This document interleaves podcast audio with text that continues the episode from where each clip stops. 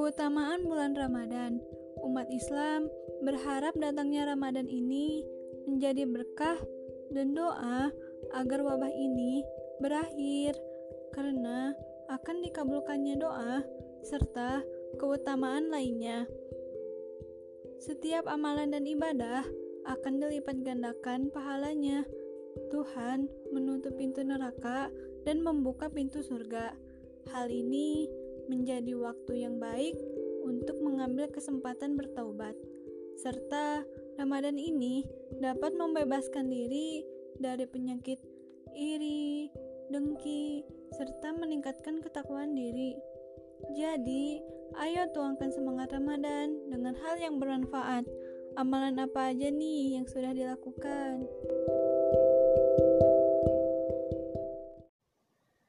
Ramadan kali ini memang beda. Terasa sedih karena beberapa dari kita tak bisa pulang ke kampung halamannya.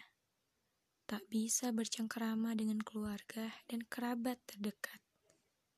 Tapi, meski harus di rumah aja, kita tetap bisa membuatnya istimewa. Karena di tengah segala yang kita cemaskan, selalu ada harapan.